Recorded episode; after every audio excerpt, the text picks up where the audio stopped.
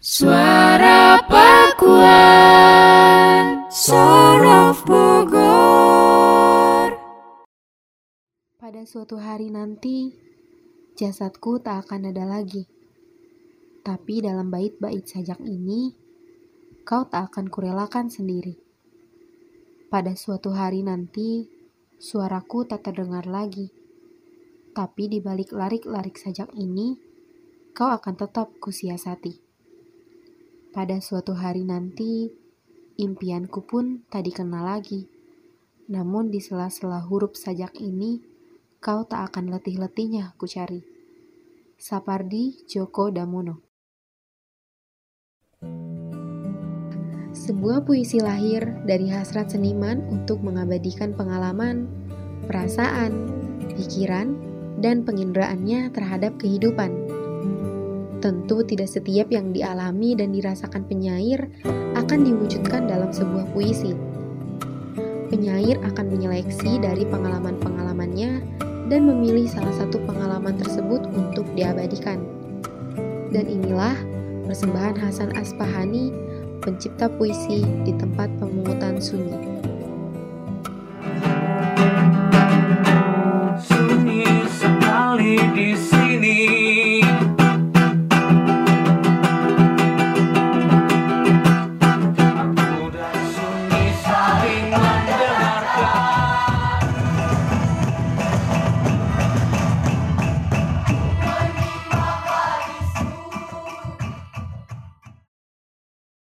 Perpaduan musik serta puisi tidak bisa dipisahkan layaknya gula dan semut. Ya, inilah Ketapel Musik, sebuah komunitas yang mengusung puisi dan mengkombinasikannya dengan alunan musik yang unik.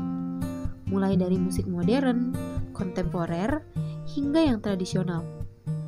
Hal ini menjadikan musik ketapel begitu menarik dan tentunya ini menjadi sebuah pengalaman baru bagi penikmat musik di Indonesia.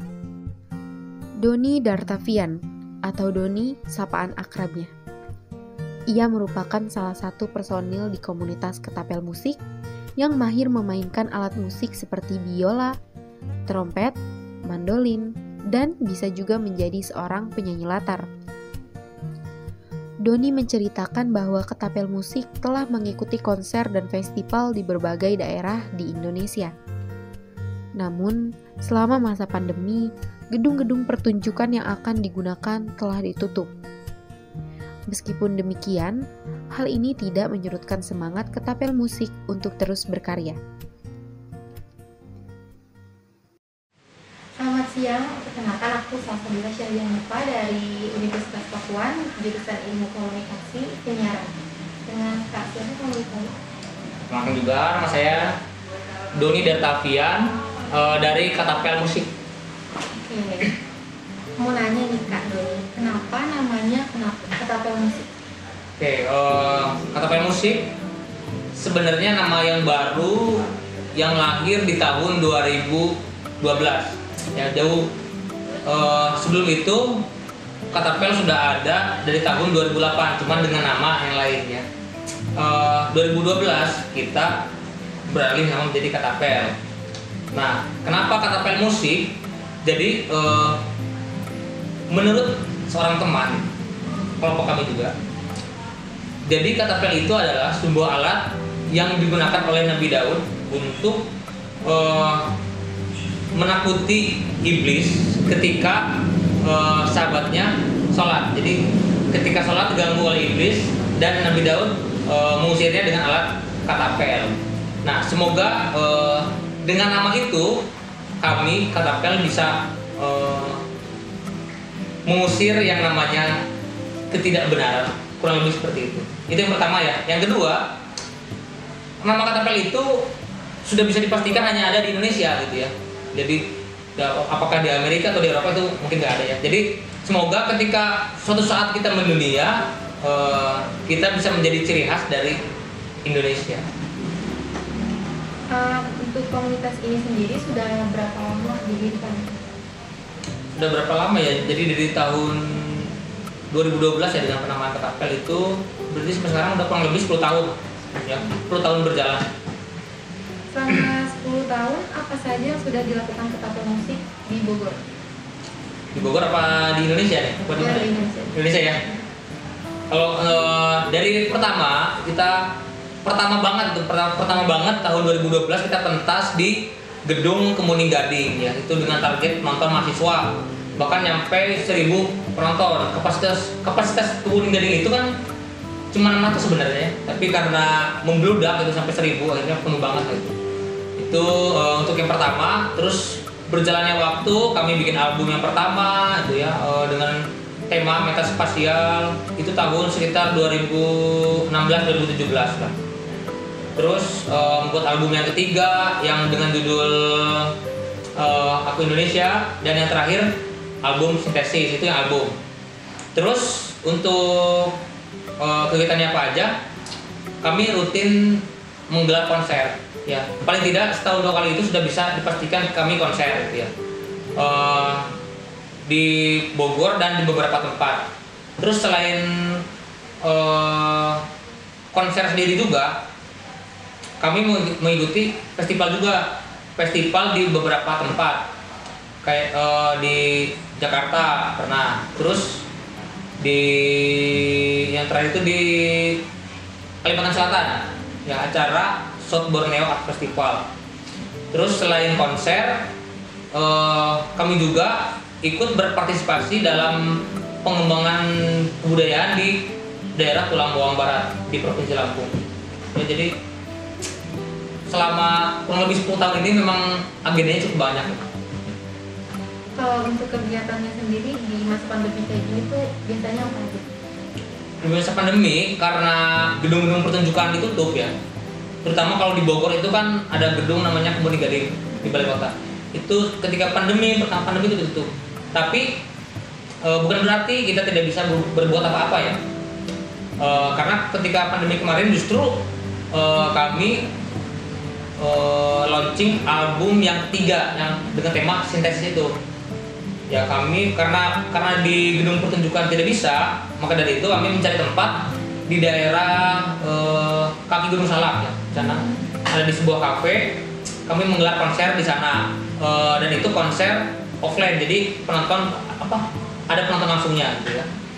Eh, itu eh, yang offline. Terus yang online nya pun kami membuat eh, ke sekolah-sekolah yang terakhir itu kemarin sempat pentas di SMA 5 cuman dengan cara online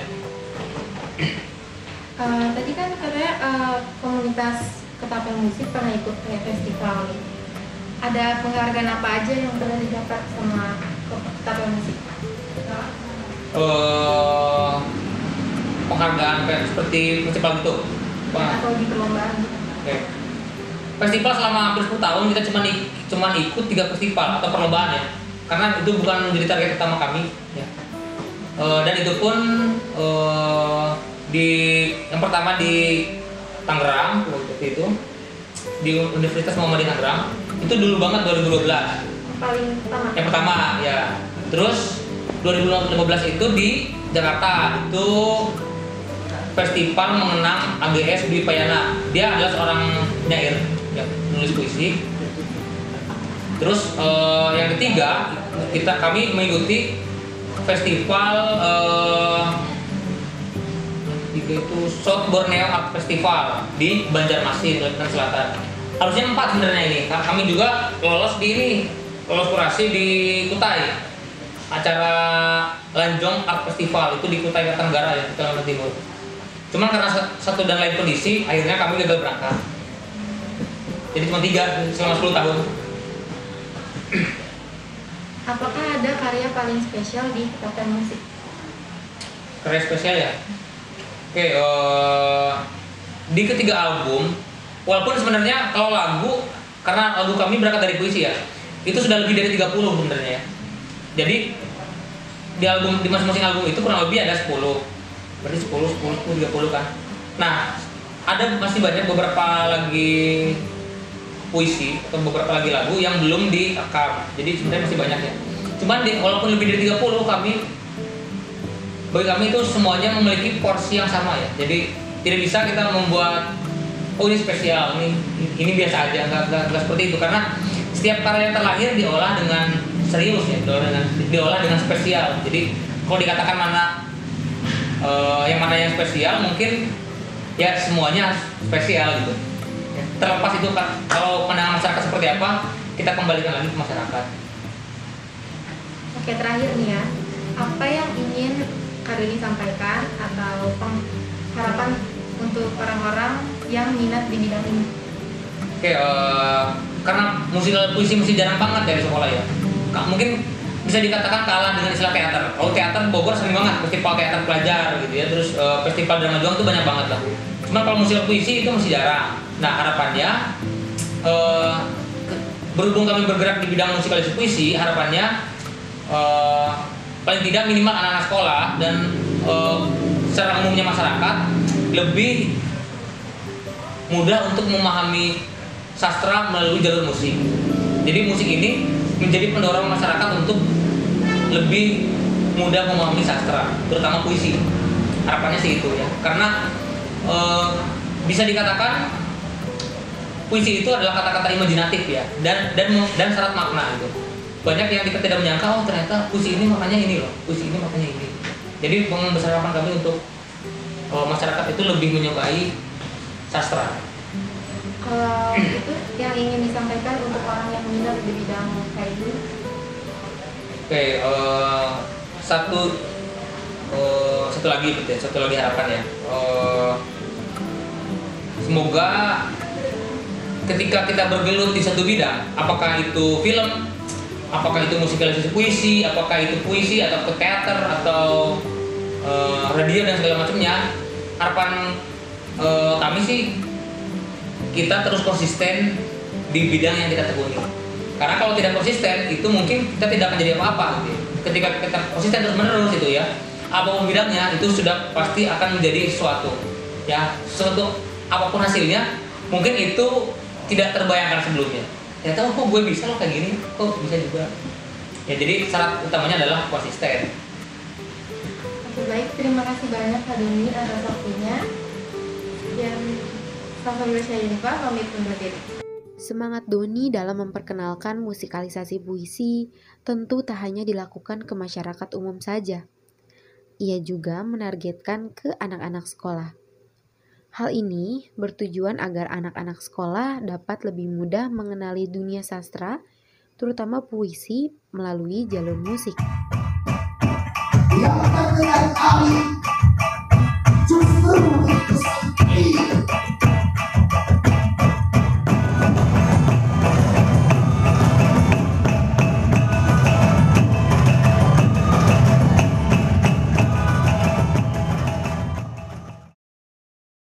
Konsisten adalah satu-satunya jalan untuk mencapai keberhasilan di masa depan.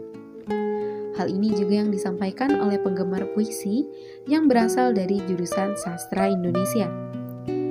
Mereka bercerita bahwa untuk membuat puisi diperlukan keberanian dalam memulai, seperti yang dilakukan oleh almarhum Sapardi Djoko Darmono dulu. Pertama-tama, eh, boleh perkenalkan nama abang-abang dan asalnya dari mana sih? Eh, aku Jabar dari Sastra Indonesia. Oke, dan abang. Saya Agil, asal sastra Indonesia. Oke, terima kasih. Sebelumnya saya akan menanya-nanya tentang seputar puisi. Ada yang keberatan nggak bang abang? Enggak. Enggak ya, aman ya. Yang pertama pertanyaannya, apa pendapat anda tentang musikalisasi puisi itu bang? Ya, aku sih melihat musikalisasi puisi itu adalah alih wahana dari sebuah teks puisi. Yang mana itu mungkin namanya musikalisasi kan pasti ada perangkat alat bunyi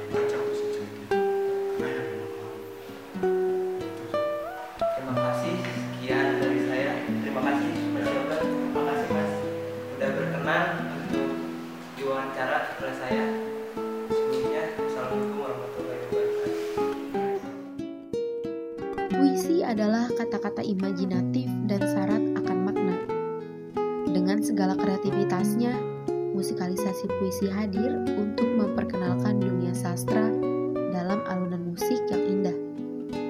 Untuk itu, Ketapel Musik terus aktif hingga kini dalam memperkenalkan musikalisasi puisi di masyarakat umum.